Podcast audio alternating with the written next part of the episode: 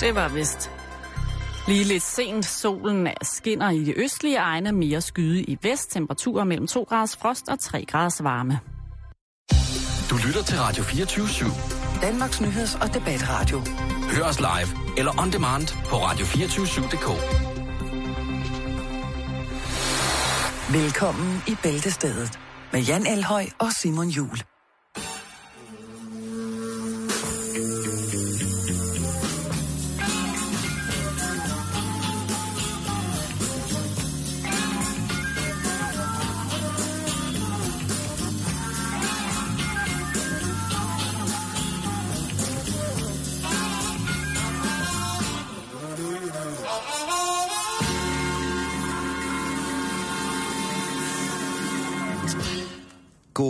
Eftermiddag og velkommen. Nu er julen officielt slut i Danmark, Jan.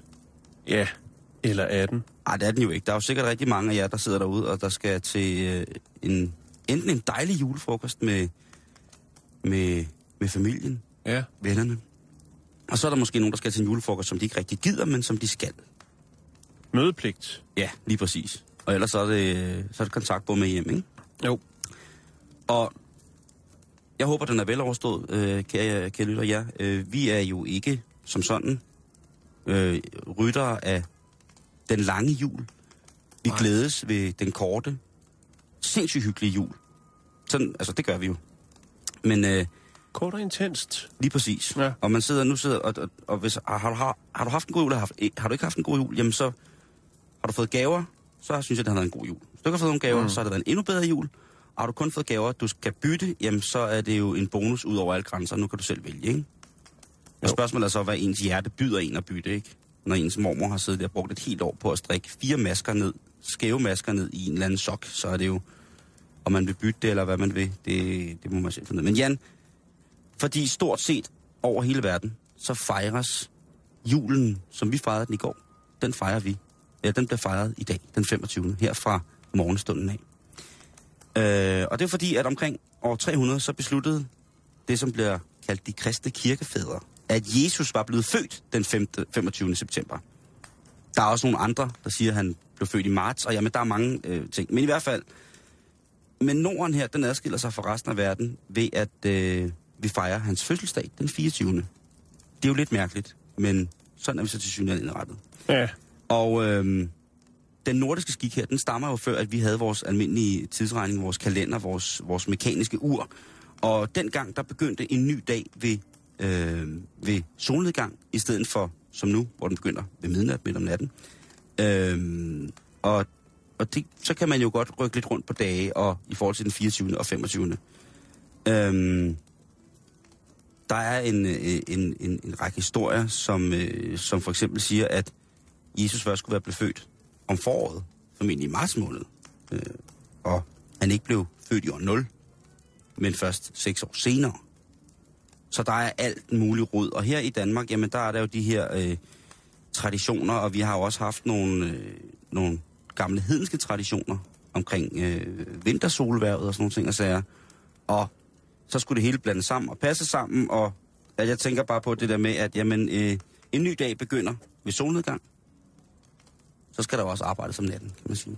Jo, jo. Det, det, det, det, det. Men altså, øh, i dag, der slutter i hvert fald min jul, Ja.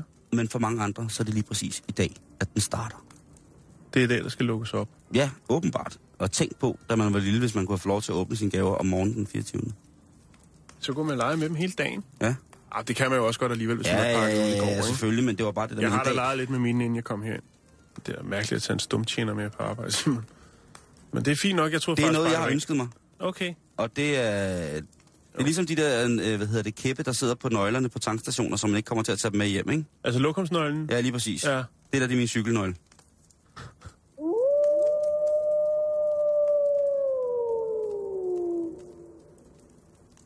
Den gamle, ringede fint ud. ja, god gamle juleulv. Ja. Det burde man jo have. Nå, vi skal lige smutte til England. Ja, Vi skal snakke om øh, arachnofobi. Vi har snakket om det en hel del gange i det år, som er ved at rende ud. om filmen. Nej. Eller om, om, ja, vi elsker jo fobier. Er angsten for æderkopper. Ja, puh, ja. Er du Øh. bange for æderkopper?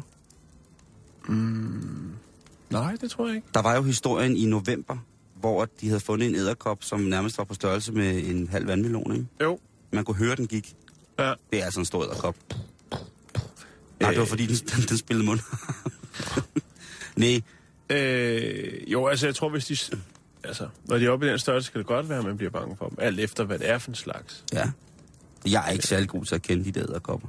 Jeg Nej, siger, men jeg er ikke bange Jeg for tror dem. heller ikke, altså... Jeg tror, de største, vi har herhjemme, det er vel dem, der kaldes husæderkopper. De kan blive sådan forholdsvis store. Der har jeg engang mm. prøvet at stå nede i min kælder og tisse om aftenen, hvor jeg sad og arbejdede, og så kiggede op i loftet, og så sad den lige over hovedet på mig. Der fik jeg altså et chok.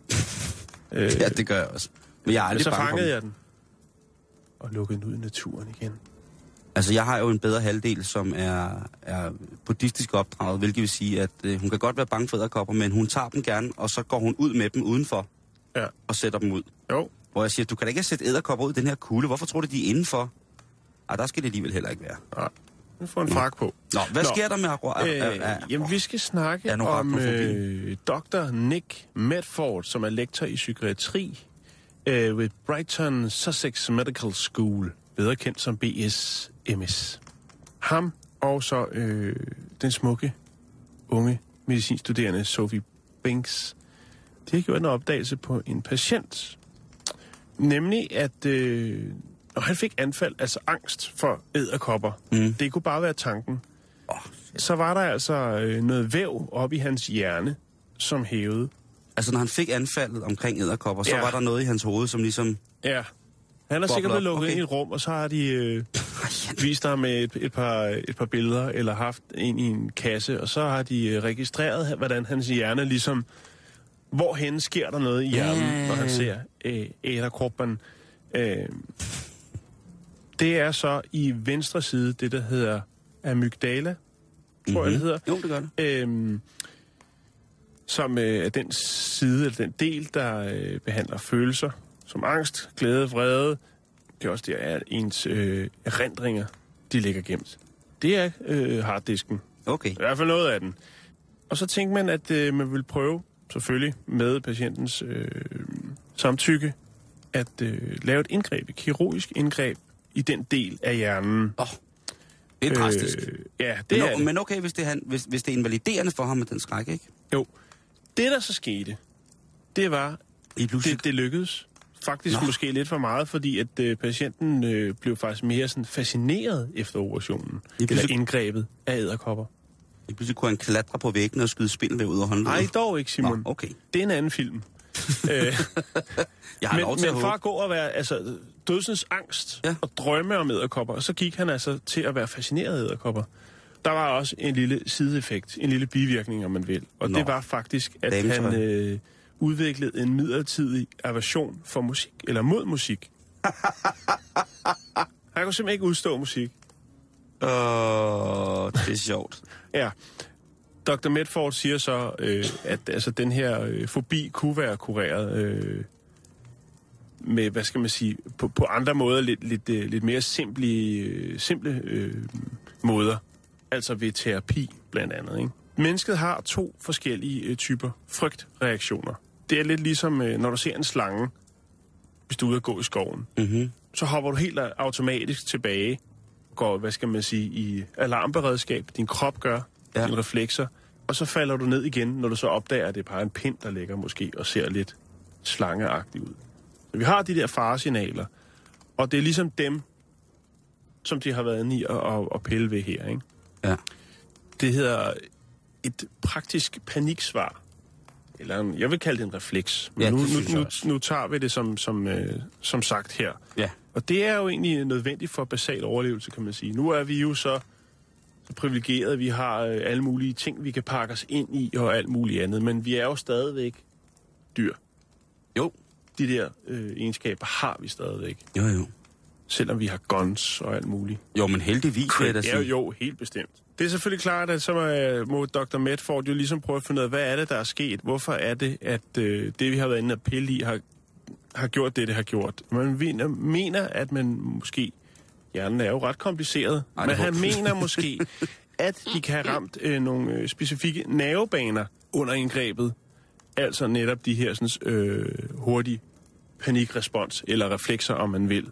at man har, har, har rørt nogle af dem. Det er jo, hjernen er jo ret kompleks, og der er måske så, jeg ved ikke hvor lidt, om der bare er en, en millimillimeter, der skal til, før at øh, man rent faktisk går ind og piller ved, ved noget andet. Jeg tror, det er mikromillimeter. Jeg Ja, tror, det- det, er, det tror jeg det også, er, det er. så små afstande. Altså, jeg, Og jeg tænker lidt, det det. Men jeg synes bare, jeg synes, jeg faldt over det, fordi at det her med, at øh, så kunne han, i, altså det var tre måneder, hvor han simpelthen ikke kunne udstå musik. Og det skulle nok være en frygten for æderkopper, for der er jo godt nok sig selv i, øh, i det offentlige rum, er der jo musik temmelig mange steder. ikke? overalt. Ja. Og, og man kan sige, at det er jo lidt en moderne form for lobotomi, de har foretaget sig her, ikke? Jo, jo, det, jo. Det, det hvide snit, som man som jo startede med i, øh, hvad hedder det, det hvide snit, det var, hvor man skar nogle, øh, jeg tror, det var nogle nervebaner ja, det er rigtigt. øh, over. Og folk blev Øh, stort set paralyseret jo. Altså, de sad jo det, bare øh, efter det hvide snit og kiggede. Og vi, vi havde det hvide snit, eller jeg mener, det var til midt-80'erne, men stadig for to øh, det hvide snit i Danmark. Ja, det ved jeg ikke. Men i hvert fald... Det så, ved jeg. Ja, okay, okay, okay. Men i hvert fald så er det... øh, Så i starten var det jo... Altså, jeg synes jo måske stadigvæk, det er mærkeligt, men man kan sige, det her indgreb, som du lige har snakket om, øh, det var jo også i virkeligheden mm. det, som det hvide snit var blevet lavet til. Det skulle nemlig for eksempel dæmpe angst og uro, eller andre psykiske lidelser. det man egentlig gjorde, var jo egentlig bare, at man, man, øh, man fjernede så meget af, op i frontalpandelappen, så, så folk jo blev øh, altså pacificeret jo. Altså, man, man afskar dem jo faktisk. Ja, Øh, lige og præcis. det var Man sådan afskar nogle nervebaner. Ja. Der er blandt andet, der er cirka 4.000 danskere, der har fået udført øh, det hvide snit i perioden 39 til 83. Det er sådan, der er. Ja, det er sådan, ja. ja. I alt 9.000, kan jeg se her, i hele Skandinavien, som har fået det udført, ikke? Jo. Og, og det er jo altså en mand, som har modtaget Nobelprisen i medicin, som har opfundet det her. Det, der jo så skete, det var jo... Altså, der var jo de, som så siger, nogle voldsomme bivirkninger, ikke? Moniz, som var den første, der begyndte at udføre det, han fortidede jo de her forfærdelige bivirkninger, ikke? Som for eksempel var... Øh, de mildeste af dem, det var, det var kvalme og vandledningsproblemer, ikke? Og så Mm. var der, som du også siger, nogen, som simpelthen... Øh, altså Det helt blev galt. levende døde. Ja, lige præcis. Det Ja. blev zombies. Det er jo sindssygt. Men vildt, at man er gået i gang med at gøre det mod arachnofobi, men der er jo, må jo selvfølgelig også i dag... Jeg vil sige, det er jo ikke det hvide snit, de har foretaget. Nej, nej, nej, nej. Men de har været inde og pille i det, det, nervebaner. det, det, var er lidt, lidt, af det samme, ikke? Og man Jo, kan jo, sige, jo. at... Øh, lad, os, ikke takke Sverige, lad, os, lad os takke Sverige for, at der på det karolinske sygehusat i øh, 1961, der begyndte en kuro at udføre det hvide snit med elektrisk kniv, hvorefter at øh, Ja. dødsfalden, dødeligheden i operationsfasen, den faldt. Men, øh, men godt at vide, at man nu, hvis man er bange for noget, måske kan...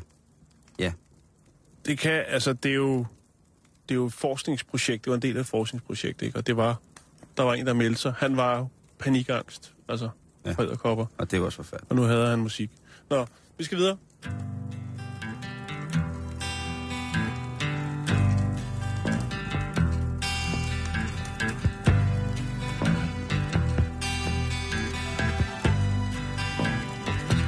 Come down to the manger, see the little stranger,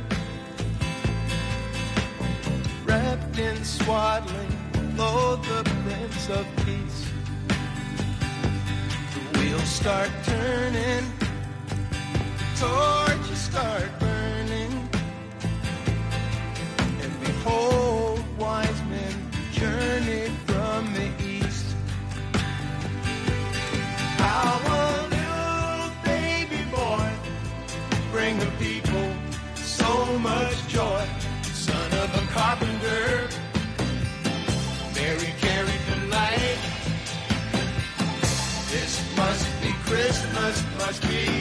tonight.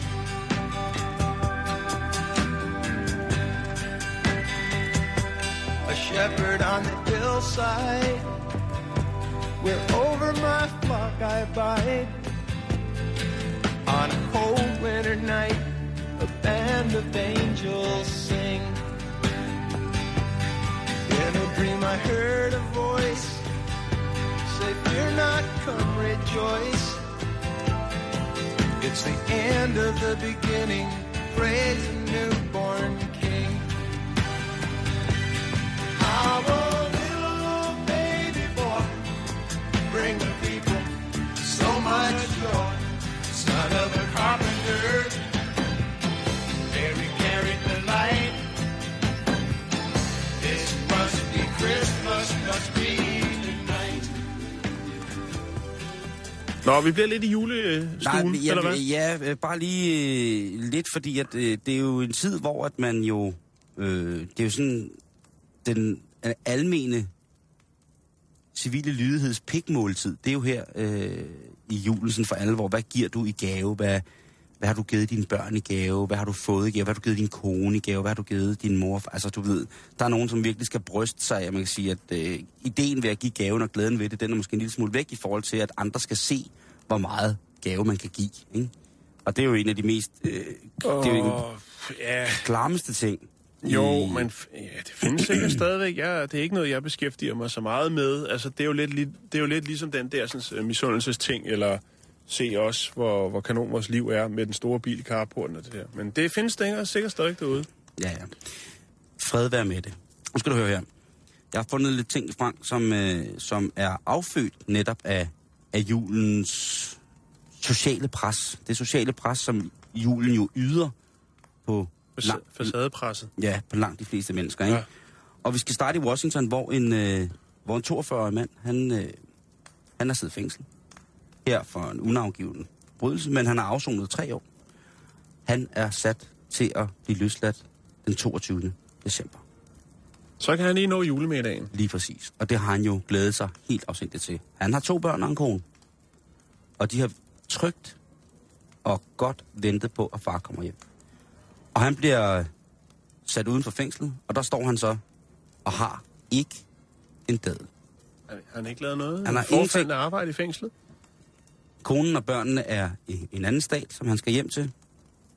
De er ikke kommet og hentet ham. Allerede der synes jeg, det er lidt mærkeligt, ikke? Han skal i hvert fald hjem til sin familie og sine venner for at have en dejlig jul. Hvad fanden gør han med julegaver, Jan? Hvad gør man med julegaver i sådan en situation, hvor man ikke har nogen penge? Man bliver selvfølgelig nødt til, når man er kriminel. Ej. Ja. ja. Og man skulle måske tro, at glæden ved at snart at skulle gense sin familie og sine venner, var stor nok til at ligesom Mm. sige, I kan få en krammer i julegave. Det, ja, for Ja. Det, det, har, det har været det dyreste, jeg har haft på mig, og jeg har ikke nogen penge, og alle vil jo helt sikkert forstå sådan en mand, der siger, jamen, mm. du har siddet og kuglet i tre år. Selvfølgelig. Øh, nu skal du bare komme ud og have det lidt godt. Han bliver desperat, fordi han tænker, øh, jeg kan ikke komme tomhændet hjem. Specielt ikke til mine børn, uden nogen gaver. Nej. Og han... Øh, Har de spørgsmål, om de har fortalt, hvor far rigtig fa- rent faktisk har været henne, om han har været ude at sejle på verdenshavene, eller om de... ej, jamen altså, man kan. Og Man så kommer han hjem uden noget som helst. Hverken frygter- træben eller klap for øjet, eller en stor pose med guldmønter. Ja, en papegøje. Måske ser han en papegøje, fordi øh, da han står i bussen inde midt i byen, så er det første, han ser, det er en dyrehandler. Ja. Og der kan han se, at der er godt nok travlt inde, ikke? Fordi at alle, alle børn skal have en hundvalg i julegave, ikke? Er Så, det, så det han, øh, han defilerer ind i sit orange, ej, ikke sit orange tøj, men han har sådan helt almindelig løs, ja, løsladelse. Han har vel det på, som han havde på, da han blev sat ind? Jo, fra. lige præcis. Inklusiv sådan et navnetag, hvor der står, at han godt må stå i bussen, øh, fængselsbussen inde i byen. Og han går ind i den der butik og sonderer terrænet lidt. Og så tænker han, den der kasse deroppe. Han kan se, hvordan at, øh, dollarsene bare flyder ned i det der kasseapparat. Så han tænker, okay, fuck det. Så han i et, et raid af en anden verden, der river han det der kasseapparat op med ledninger og hele lortet, og, Ja. og begynder at flygte ud imod bagdøren. Der holder en bus og venter på ham. På vej, på, på vej ud af bagdøren, der løber han så forbi nogle terrarier fyldt med slanger. ja, Og så tænker han, hvad vil alle børn gerne have i julegave? det vil have en hårdgorm. Lige præcis. Så han øh, stikker lige sin knytter ned i øh, terrariet til slangerne og bøffer tre slanger, altså en god håndfuld, Ja. og så ellers ud igennem bagdøren. Så løber han, uh! Jeg ved ikke, hvad han gør. Svinger ham over hovedet som en Men, lasso. men det går bare så hurtigt, så medarbejderne i dyrhandel, de står bare og tænker, okay, vi blevet røde, hvad skete der? Der skete ikke noget med nogen, det er godt. Mm. Pengene, vi forsikret, øh, og så en stjålet slanger. Vi ringer til politiet. Overvågningskameraet bliver bragt til veje, eller materialet for overvågningskameraet, og der kan politiet jo se, at der hænger det her øh, flagrende, den flagrende busbillet på manden stadigvæk, Ja. og han bliver hurtigt genkendt. Han når at være i øh, Hvor lang tid er han en fri mand? tre timer, Tre timer? og så så ryger han tilbage igen. Jeg har desværre ikke nogen rapport, om, hvorvidt at slangerne har det godt i dag. Nej. Men han blev i hvert fald tilvejebragt med både kasseapparat og stjålne slanger. Og så går jeg ud fra, at slangerne er kommet tilbage i deres terrarier, og måske har fået et chok, har været lidt bange. Jo, jo. Men øh, jeg håber, de har det godt. Men i hvert fald øh, tre timer ud til jul, og så ind lige præcis, hvor man kom fra, med hænderne fyldt med slanger og kasseapparat. Det er altså, øh, det er meget godt. Så skal vi tilbage til øh, en december måned i 2011 Ja. i Oregon. Og øh, her der bliver ordensmagten tilkaldt til en, øh, sådan en storcenter, sådan en klassisk storcenter, som vi kender det, fordi at en mand er gået amok. Han har været i, inde og kigge på julegaver, og øh, der har han så været i en legetøjsbutik og fundet, eller ikke sådan en rigtig legetøjsbutik, men sådan en fantasy roleplay butik, hvor de har rigtig, rigtig mange gode spændende ting. Blandt andet har de sådan nogle rigtig store, gode lysvær. Ikke sådan en lille plastik et, de er selvfølgelig ikke et ægte lysvær, vel, men de har sådan nogle, der vejer lidt og har sådan en stor plastik, øh, f- øh, falatisk plastiklysende kæp ud, mm. som, øh, som man rent faktisk kan i, i roleplay slås med. Altså man kan faktisk... Det var den lyd, jeg sagde, når jeg slås med lysvær, som bare var en, en pind. Og jeg ved ikke, hvad der er taget ved ham. Men i hvert fald så har han taget det lysvær, og så har han begyndt at gå og slå folk med det. Altså angribe folk med et plastiklysvær. Og det har ikke sådan små voldeligt, men sådan overlæggende voldeligt med folk, der er kommet gående, og så er han kommet bræsen ud af legetøjsbutikken, og så har han bare smasket dem sådan i ansigtet og på halsen med det her lysvær. Ja. Rigtig hårdt. Og det er jo klart, at det bliver folk øh, bange for. Han skulle lave noget like-hunting. Han skulle øh, lave en sjov video og lægge ud på de sociale medier, så oh. han kunne få en masse likes. Var det det? Ja, men i 2011, Jan, var der ikke nogen sociale medier. I 2011? Nej, det er åndssvagt. Eller 2011? øh, potato karate. Hvem tilkalder man i sådan en situation? Så- Centervagt. Præcis. Og de anstiger selvfølgelig også i, øh, i højt tempo til den her episode. Og taser ham. Nej, fordi han går også på dem med Nå, sit okay. lysvær. Og så de, taser de de stikker halen mellem benene og øh, tilkalder ordensmagten, eller ordensmagten er blevet tilkaldt, og de kommer så ind, og der løber ham her altså rundt i øh, en dagligvarebutik. Han er meget højrystet, står der, og han, øh, han snakker sort. Ja. Badesalt. Det, det, ved de, det, altså det, det, det, det ved de på det her tidspunkt ikke endnu. Men du er tæt på. Øj, jeg vidste det. Så kommer ordensmagten jo, og de anråber manden og siger, prøv at stop politiet, smid dit lysvær. Nu, øh, Luke, den går ikke mere. Da du har tabt småkærne. Lad os hjælpe dig tilbage øh, på tusindårsfalken, og så kan vi øh, tale om det derfra. Mm. Så går han jo til modværge fysisk på politiets anråb. De starter jo med, som de gør, peberspray. Det bider ikke rigtigt på ham. Han bliver ved med at løbe rundt. Så er han påvirket. Ja, og der, det anslår de så også der. Og så øh, nærmer politiet sig igen. De prøver ligesom at skærme ham af for offentligheden. Mm. Øh, men han er helt vild med den der lysende kæp. Så de taser ham jo til sidst. Der er først en politimand, der taser ham. Og øh, der går han i gulvet, men han er ikke færdig. Nej. Han bliver ved med Han vil at- have mere. Ja, han vil have, han vil have meget, meget mere af det gode. Så han øh, prøver at rejse op, og så bliver de nødt til at tase ham igen. Og de får faktisk taset ham så meget, så han... Øh, ja, anklagen mod politiet lyder faktisk på, at de øh, på et tidspunkt har taget ham af dag. Han er i hvert fald til opvågning på hospitalet i øh, tre dage, efter han er, for, fordi han er blevet taset så voldsomt. Han vågner op, og så siger han, hvor er? Excuse me while I kiss the sky. Og det sagde han måske, mens han løb rundt og slog med folk med lysværet. Han vågner op på hospitalet, og så- og så spørger han, hvor er jeg? Hvad er der sket? Og så siger jeg, ja, ja, helt sikkert. Politiet vidste jo godt, at han var blevet droppet, fordi da han kom ind, så fik de jo selvfølgelig taget blodprøver på ham. Og han har altså været i gang med en øh, usandsynlig dejlig blanding af det, der hedder crack cocaine. Det er tungt. Så har han været påvirket af metamfetamin, Krystal. lige præcis. Mhm. så, har han været, så har han været påvirket af alkohol, og ikke mindst af en hellig urt. Og, han, han har øhm, snuppet en, øh, en, en firetrins raket. Det kan jeg love dig for, han har. Manden, han, øh, han var lokal. Altså, det var folk, der kendte ham i området i det her store center. Ikke? Så, altså, og kendt som en rigtig, rigtig sød og rar mand. Elektriker. Ja. Han er simpelthen nødt til at frafylde et område, fordi han simpelthen har gjort folk så bange, så at, øh, at nu ved de ikke, hvad der kan ske, hvis man har sådan en psykisk brist. Og historien kom jo ud med billede og overvågningsvideoer. Overvågningsvideoerne er desværre ikke aktive mere. Det er bare frame grabs, øh, men det ser godt nok voldsomt ud. All the lights are coming on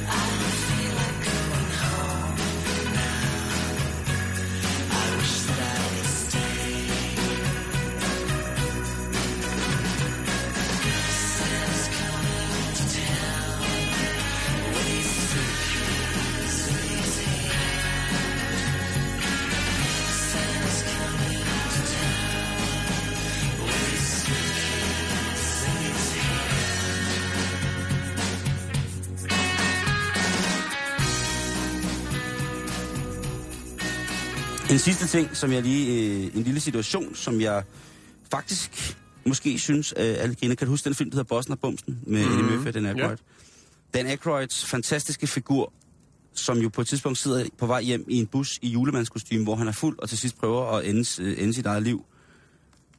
Kan du huske den scene, hvor han sidder og spiser laks, som så er indhyllet i hans skæg? Nå, Jeg kan, nej, jeg kan ikke. Jeg Okay. okay. nej, det Men er der er- mange, mange år siden, jeg har set den, Simon. du skulle tage og se den igen. Den er virkelig fed. Jeg har ikke tid, Øh. men tak. Helt seriøst. Der er jo ikke, jeg synes jo, det er virkelig... Jeg, jeg ved godt, at det er ikke moralsk forsvarligt, men jeg synes jo, det er sjovt, når julemænd er fulde og upassende. Og aggressive. Vi havde meget om det sidste jul. Ja.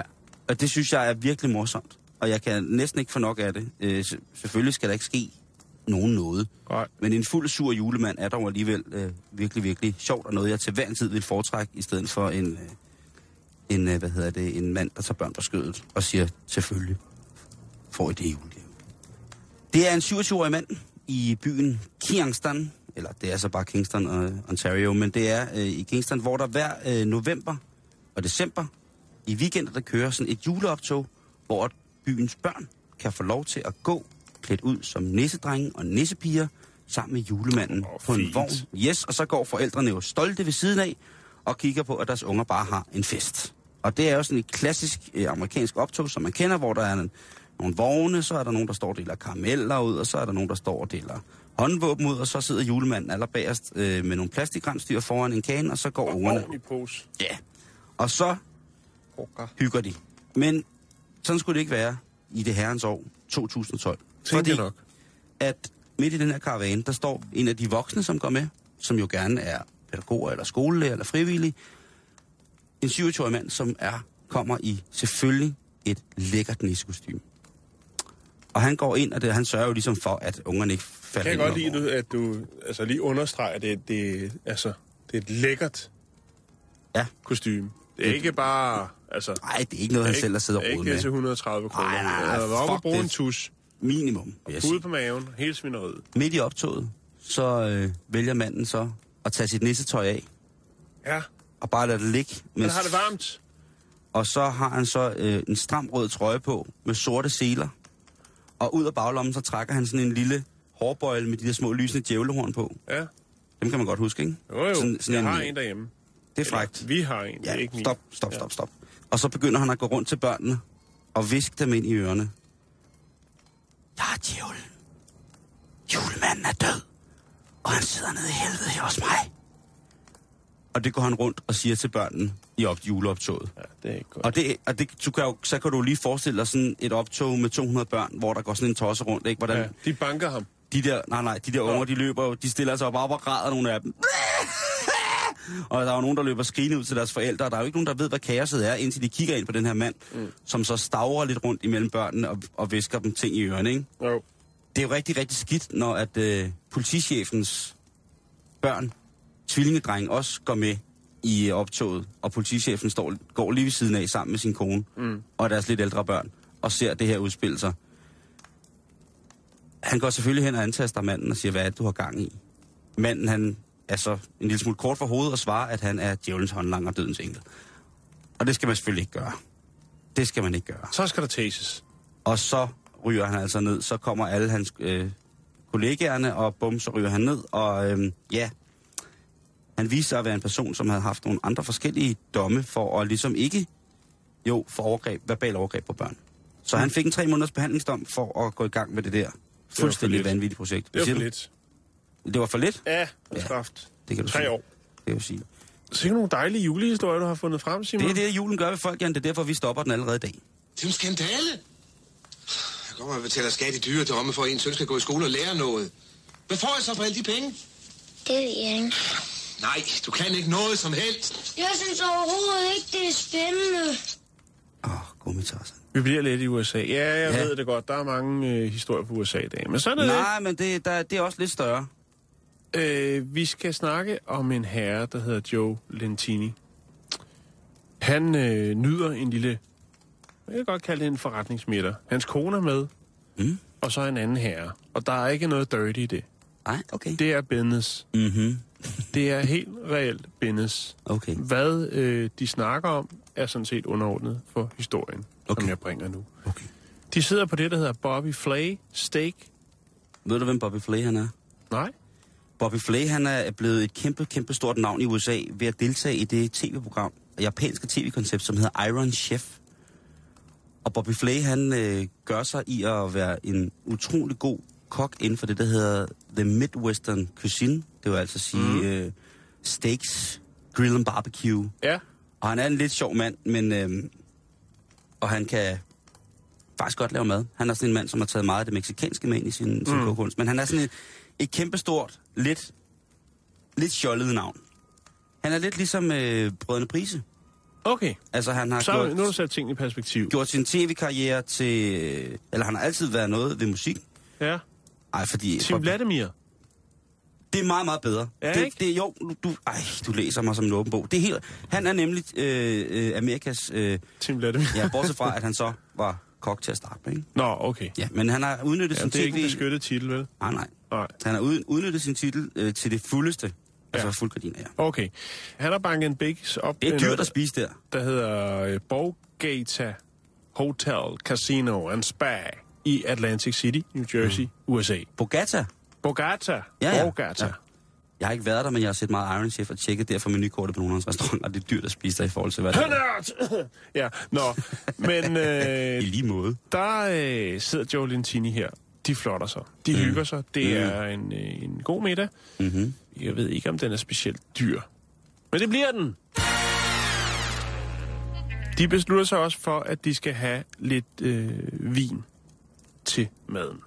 Nå jo, men hvis det er en fin middag. Lentini, det han er ikke den store øh, vinnyder. Han drikker måske øh, et glas vin en gang om måneden eller noget. Så han er ikke den helt store, øh, det helt store øh, druenæb. Nej. Han ved heller ikke specielt meget om vin. Så han øh, siger til tjeneren, om hun kan anbefale noget. Selvfølgelig kan hun det. Det er jo sådan noget, hun gerne skulle kunne. Han spørger så, hvad flasken den koster. Og hun siger, den koster 37 en halv. Dollars. Ja, Mm-hmm. det er 224 kroner. rimeligt. Og det øh, tænker han, ja, det er okay. Altså, vi er på en restaurant, og 224 kroner. Det er måske lidt mere, end hvad jeg plejer at købe. Når jeg køber øh, vin, så holder en flaske jo gerne et år. Det siger han ikke, det er meget at det. øh, det er fint nok. Den, den napper vi. Vi sidder her og hygger os. Jo, jo. Så kommer øh, sommelieren, eller vinstewarden, om man vil. Uh, det Og øh, ja, der bliver øh, lukket op, og øh, der bliver skænket et glas, og, øh, og så kommer vi til det, Simon. Da middagen den er afsluttet, så øh, beder Lentini om regningen. Gentleman. Sådan er det. Jeg tror, det er et regningssplit, vi er ude i. Så så meget business er det heller ikke. Nå, nej, nej. Men også hvis det er vennepar, lidt Det det bandet der, det... It's a thing called hygge, you know. Famous in Denmark. Nå. The Chirka. Så kommer regningen, og den lyder så på 4.700 dollars. Det er 28.094 kroner. Det er mange penge, tænker Lentini. Ah, det er kraftet med mange ja. penge. Han studerer øh, bongen og ser, at den flaske vin, han har købt, Screaming Eagle Oakville 2011, den koster 3.750 dollars. Ah, han er, Det vil sige 22.416 kroner. Ja. Det er også et samleobjekt, der er blevet serveret. Skulle jeg så hilse at sige. Er det det? Ja. Jeg har, jamen det, det kan du sagtens sige til mig. Nej, nej, men det er det faktisk. Jeg har ikke forstand på vin. Hold kæft, jeg kan godt lide det. Nå.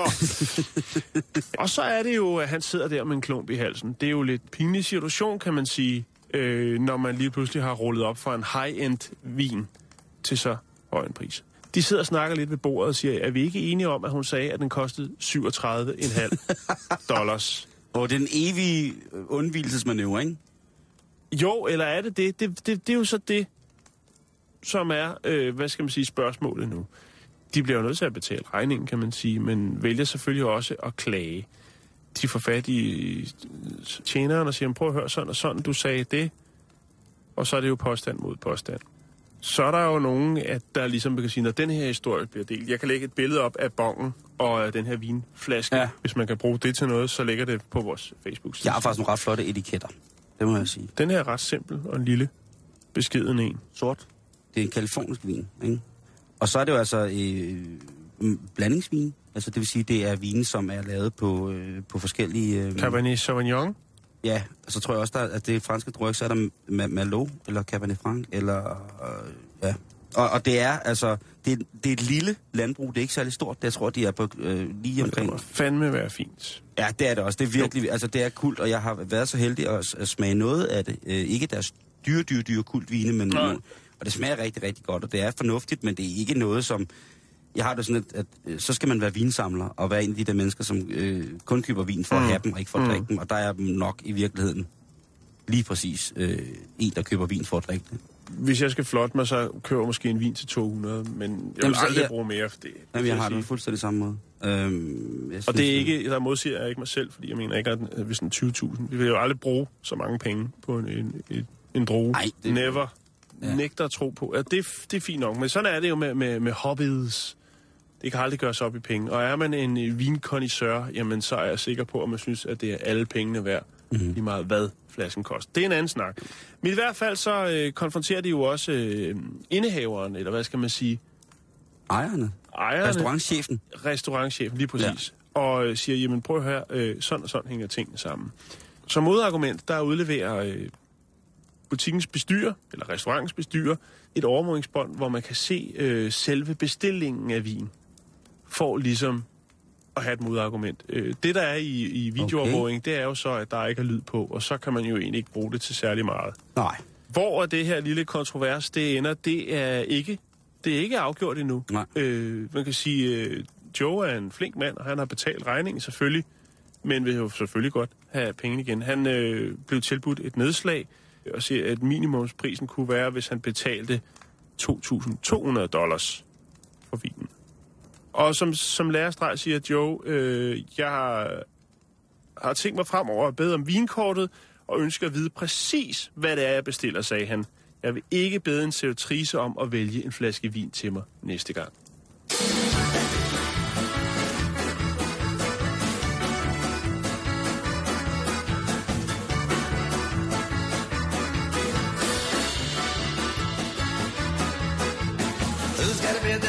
White? Santa's got a beard that's long and white. Who comes round on special night? Santa comes round on special night. Special night, beard that's white.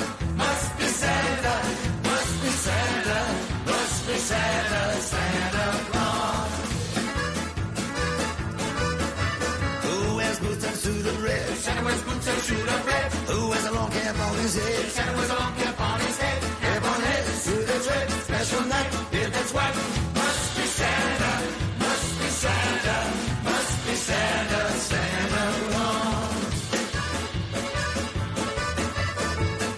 Big red cherry nose? Santa's got a big red cherry nose. Who laughs this way, ho ho ho? Santa laughs this way, ho ho ho. Ho ho ho, cherry nose, cap on head, suit that's red, special night, beard that's right.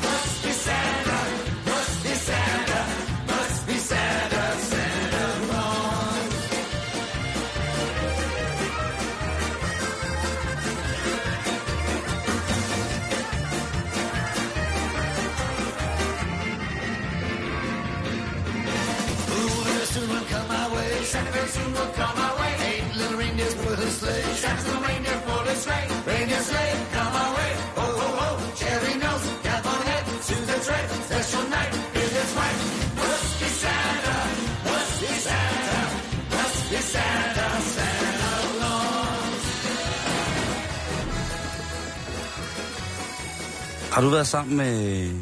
Eller har du egentlig overhovedet nogen øh, mormor og morfar fra og farfar tilbage? Nej, det, det, det er mange, mange, mange år siden. Okay. Jeg har haft... Øh, Nogle gange, når man, da man var lille, kan jeg huske det der med, at når man var hos mormor og morfar, eller farmor og farfar, ja, så var der sådan en helt speciel lugt. En duft, vil nogen sige. Og måske har man været så heldig at selv i en grænvoksen alder og størrelse få lov til at sidde på skødet af, af mormor eller morfar her i går aftes. Og så har man tænkt, uh, den der duft, den giver mig noget tryghed. Og selvom det ser mærkeligt ud, at der sidder en voksen mand og krammer en gammel dame i stumper stykker, jamen så er det bare måske hyggeligt. Fordi, Jan, vores lugtesand jo er så vigtig. Og mormors duft kan være måske noget af det mest beroligende i hele verden, hvis Erfarne tryghed. Ja. Der er nemlig lavet en undersøgelse af, hvorfor at gamle mennesker lugter så dårligt. Fordi det er der mange mennesker, der siger. Det er jo også en generalisering i den grad. Ja, og det, og det er... Men hvorfor gør de det, Simon? Jamen, det gør de nemlig slet ikke. Nej. Det sig så, den her Okay. undersøgelse. Altså, jeg kan huske, at min mor og morfar, de duftede sådan rart af kaffe og cerutter. Og det gjorde, sådan duftede det også hjemme med dem. Og det er sådan en helt speciel duft med nogle parametre, der gør, at hvis jeg for eksempel den dag i dag bemærker dem, jamen så associerer jeg stadigvæk med 300 km i timen øh, til stunder sammen med mor og morfar. Og det er pisse rart, det er pisse dejligt. Men som sagt, så er duften af gamle mennesker noget negativt for mange, men- for, for mange andre.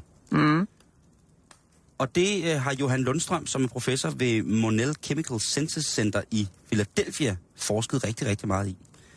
Og han går så hårdt op i dufte, at han rent faktisk har lavet sådan en lugte squat, en gruppe mennesker, der frivilligt, og det siger frivilligt, i forskningens hellige navn dufter til alskens ting og sager. Okay. Nogle sniffer.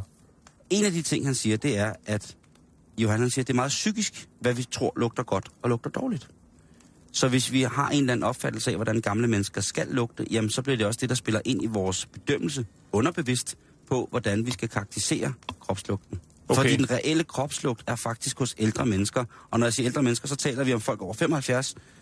Den er faktisk meget, meget mildere, end hvad den ellers er. Fordi at, og det er meget, meget... Øh, Sådan en god øh, 13-årig pubeskoger der, kan der være væsentligt mere dræbende for... Øh, Du har helt ret. Ja. Og det er jo fordi, at der er der altså smæk på. i takt med, at øh, vores kroppe lige så stille går i et øh, fysisk fordærv, så tager den jo også nogle af de ting med, som genererer de her lugte. Og nogle af de ting, som også kan få lov til at lige så stille syn hen, det er jo altså øh, de kirtler, som vi har i vores hud. Øh, og sveden, den er jo øh, et kirtelsekret, om man vil. Det er jo vand, der kommer ud af svedkirtlerne. De kan lige så stille også begynde at virke mindre godt. Ligesom på en gammel bil, så går tingene også lige så stille i stykker, og så kan det altså være til sidst, at man, ja i særlig grad tilfælde, jo nærmest ikke øh, som ældre menneske kan svede særlig meget. Og lige præcis det her problem med at ikke at kunne svede, det er jo det, som mange gamle mennesker på et meget, meget dårligt grundlag bliver beskyldt for at, at, at lugte. Mm. Den her duftesquat, som ham her Johan har, det er altså, hvor man tager og tørrer. Man holder sin arm ind til kroppen. Ikke? Ja. Sådan godt ind til kroppen. Så tæller du til 100. Og så løfter du armen op, og så tørrer du med en helt ren, duftfri serviet under din arm. Og så dufter du til den. Og så beskriver du ligesom, hvad det er. Det, er- det er vild forskning, ikke? Man fandt faktisk ud af, at middelaldrende mænd, og det er klassen fra 45 år til 55, er de personer, der dufter aller, aller, aller dårligst. Altså, om et par Jan, du dufter alt. Du har næsten ikke nogen duft. Nej, det er ikke. Eller jo, det har jeg, men, men ikke en stank. Nej. Øhm, tænk på, at, at når man om nogle år kommer ind i den alder, hvor man ved, at der kommer man til at lugte dårligst. Altså, ja, hvad, hvad skal man så Går gøre? det så i sig selv igen, eller hvad? så er det jo, at de her kirtler, lige så stille kan gå hen og ikke virke så godt, som de har gjort. Øh, fordi at lugten jo er en vekselvirkning imellem hud og det, der hedder ki- kirtelsekretioner. Mm-hmm. Og hvis de her kirtler ikke virker, så kommer der jo ikke noget vand, noget sved ud. Og så kommer man egentlig bare til at måske ikke lugte så meget. Det, der er så sjovt, det er, at de der folk over 75, når de stod med armen ind til kroppen, tørrede med en ren serviet, og så blev lugtepanelet bedt om at lugte servietten, så var det faktisk slet ikke så galt overhovedet. Det var en, øh, blev beskrevet som en, men det blev beskrevet som en øh, meget ren og svag duft, altså uden nogen parametre, der gav udslag. Mm-hmm. Hvor at, øh, hvis en 45-55-årig mand stod med armene ned, og der så blev tørret under, ikke? så var der altså ting, som... Det, det var meget, meget, meget dårlige ting, der blev associeret med, når der så blev lugtet til... Altså, den helt klassiske, det var meksikansk mad. Øh, og det tror jeg måske er på grund af den der kommen-lugt, som der kan være. Spidskommen. Spidskommen-lugt, Ja, ikke? Som, taxaarm. Ja, det som Johan så siger og kommer frem til i de, i de her forskningsresultater, det er, i en publiceret artikel beskriver han, at den visuelle perception, altså den måde, vi ser tingene på, mm. som ofte skaber det første sanseindtryk rent lugtmæssigt. Ja. Det vil sige, at vi kan have nok så god, vi kan have nok så fantastiske sensoriske egenskaber rent lugtemæssigt og smagsmæssigt, fordi lugten gør også ind igennem munden og, og sætter sig på vores, øh, på vores smagsløg, kan man sige. Når vi ser noget, vi synes, der skal lugte dårligt, så kommer det også til at gøre det. Jo. Ligesom så meget andet. Ligesom at hvis man tror, man har Men en bare sygdom. fordi en bil er rusten, så kan den jo stadig godt køre godt. Jamen, du er fuldstændig ja. korrekt. Men det er jo sjovt det der med, at hvis man går og synes, man lugter nu, så skal man bare vente til man bliver gammel. Så kan det være, det aftager. Det er ligesom allergi. Ligesom ja. børneeksem. Jamen, når unge bliver ældre, så kan det sikkert godt være, at det forsvinder. Og den her tid med julen, den elsker jeg jo, fordi der er så mange gode dufte. Og nu er den så slut, men der hænger jo stadigvæk en, en duft hjemme hos mig af, af både and og steg. Og jeg synes, det er fantastisk. kanel. Det er måske i virkeligheden Det er bare, måske også bare endnu en gang øh, en øh, generaliseringsting, det der.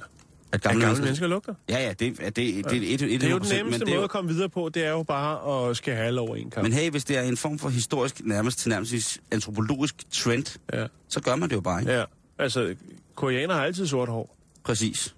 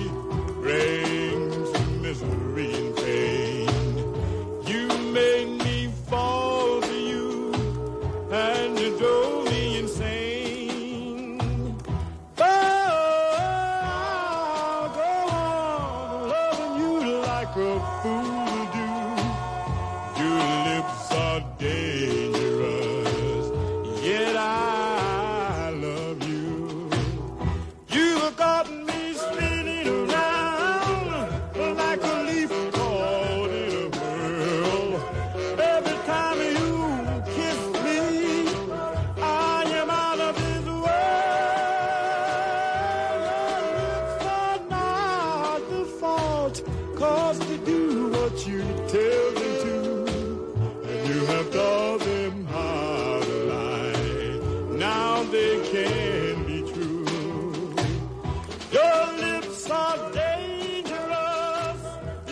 Simon, lige her til sidst Ja. på øh, julefalderæbet, så er vi jo øh, godt opdraget.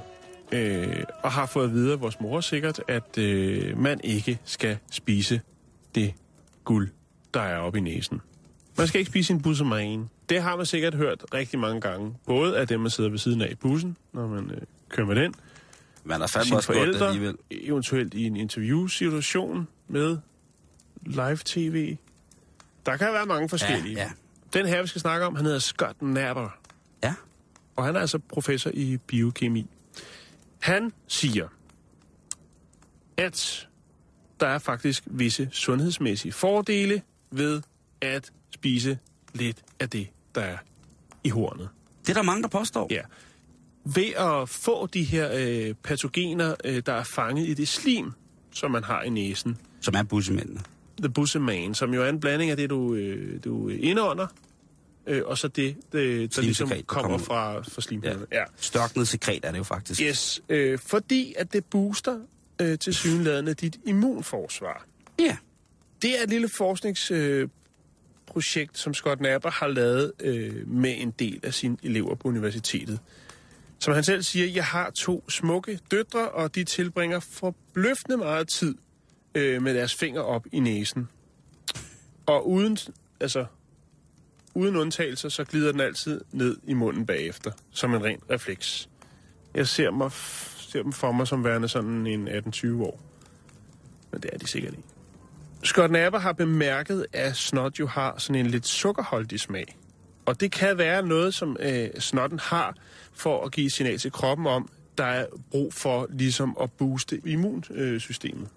Altså, man skal have noget ind i kroppen, som gør, at man står stærkere. Ja, Okay. og derfor tænker jeg, at det er jo genialt, fordi når man ser det der grønne øh, vandfald, som unger nede i børnehaven kan have, hvor den grønne, flotte, helt rene børnesnot glider fra næsen ned i munden. Lige der, hvor du tænker, det er klamt, så tænker børnene, og kæft, am, jeg booster mit øh, immunforsvar lige nu. Der er noget altså, helt naturligt, der gør, at man har lyst til Det at er spise frisk det. tappet fra hanen. Det er kroppens egen... spi- Det, det, det øverste hylde på kroppens eget Det er spisekammer, medicinskabet lige, Lige der. præcis, lige Det er præcis. Jeg hører, hvad du siger. Jamen altså, det vil jeg sige næste gang, jeg bliver grebet. Jeg kan jo godt, altså, jeg, jeg, jeg, jeg, altså det ved jeg jo, jeg piller jo en, altså, jeg piller jo en tung næse nogle gange. Specielt sådan en lang biltur på vej hjem fra, fra Nordjylland til København, ikke? Og midt om natten, hvor der ikke er nogen mennesker, man ligger bare Ja. der og triller rundt med 110 km i timen, og der sker Og så ikke slår noget. du lige øh, hvad hedder det, solskærmen ned og sætter dem der i arkiv. Øh, jeg har set din bussemandskalender. Nej, nej, nej, nej, nej. Nej, du har jeg. Nej, du har jeg. Sådan har jeg ikke, Jan, det har jeg ikke. Mejland. Det, det hedder Rhino Telexis, har jeg lige slået op på nettet. Hvad hedder, hvad Rhino, hedder det? Rhino Telexis, det er at pille næse på latin. Øh, Rhino, det er jo næse. Ja, Også øh, rhino. rhinoceros ud af... af Yes. Og øh, Telexis, det er at pille. Så øh, Okay. Så det er helt, det er helt old school. hvis man Ja, henvender altså- sig til en, en, en kultiveret dame i byen, øh, så kunne man jo spørge, tillader de Telexis? og hvis hun så siger, Telexis tilladt. hvis, du- hvis hun så siger, dit klamme svin, så ved man, hende der, hun har styr på sit lort, så hende skal man gå efter. latin. Så stiller du dig bare op og piller hende alle mulige steder. Piller ud over hende. Hvis jeg lige skal gøre det færdigt, det skal jo være kort, så siger Ja. Napper, at øh, hans hypotese her omkring det her øh, også passer ind i andre teorier omkring, altså det her med i dag, hvor at øh, vi lever i så forbedret, altså hvad skal man sige, rent hygiejnemæssigt øh, omgiver vi os jo med rigtig mange ting og, og, og passer og plejer os selv, du ved, rigtig meget. Og det har jo så øh, gjort udfald i stigende allergi. Folk har flere forskellige allergier, og det, der hedder autoimmune sygdomme. Mm. Okay. De forsker videre i det. De efterspørger faktisk nogle frivillige. Nogle frivillige, som vil være med til at pille næse. Der skal så selvfølgelig også være nogle øh, af de her frivillige, som ikke piller næse og spiser bussemændene. Og det bliver altså så en større, et større, forsknings, øh, en større forskningsafhandling, de vil lave der omkring det. Og han siger, man har jo selvfølgelig overvejet at bruge øh, altså, de engagerede i klassen, altså på universitetet til det, men vil helst gerne have nogle folk udefra, for at det ikke skal blive alt for mærkeligt. Jamen, altså, øh, jeg- rektor jeg- kommer ind, og så sidder alle bare der og, og, og går for løs, ikke? men, men du har fuldstændig ret. Jeg tænker på det der med, hvad skal man sige, hvis man bliver taget i at pille med næse? Skal man sige, jeg har gang i noget forskning, eller også så kan man bare sige, som det rent faktisk er, jeg er i gang med at styrke mit immunforsvar.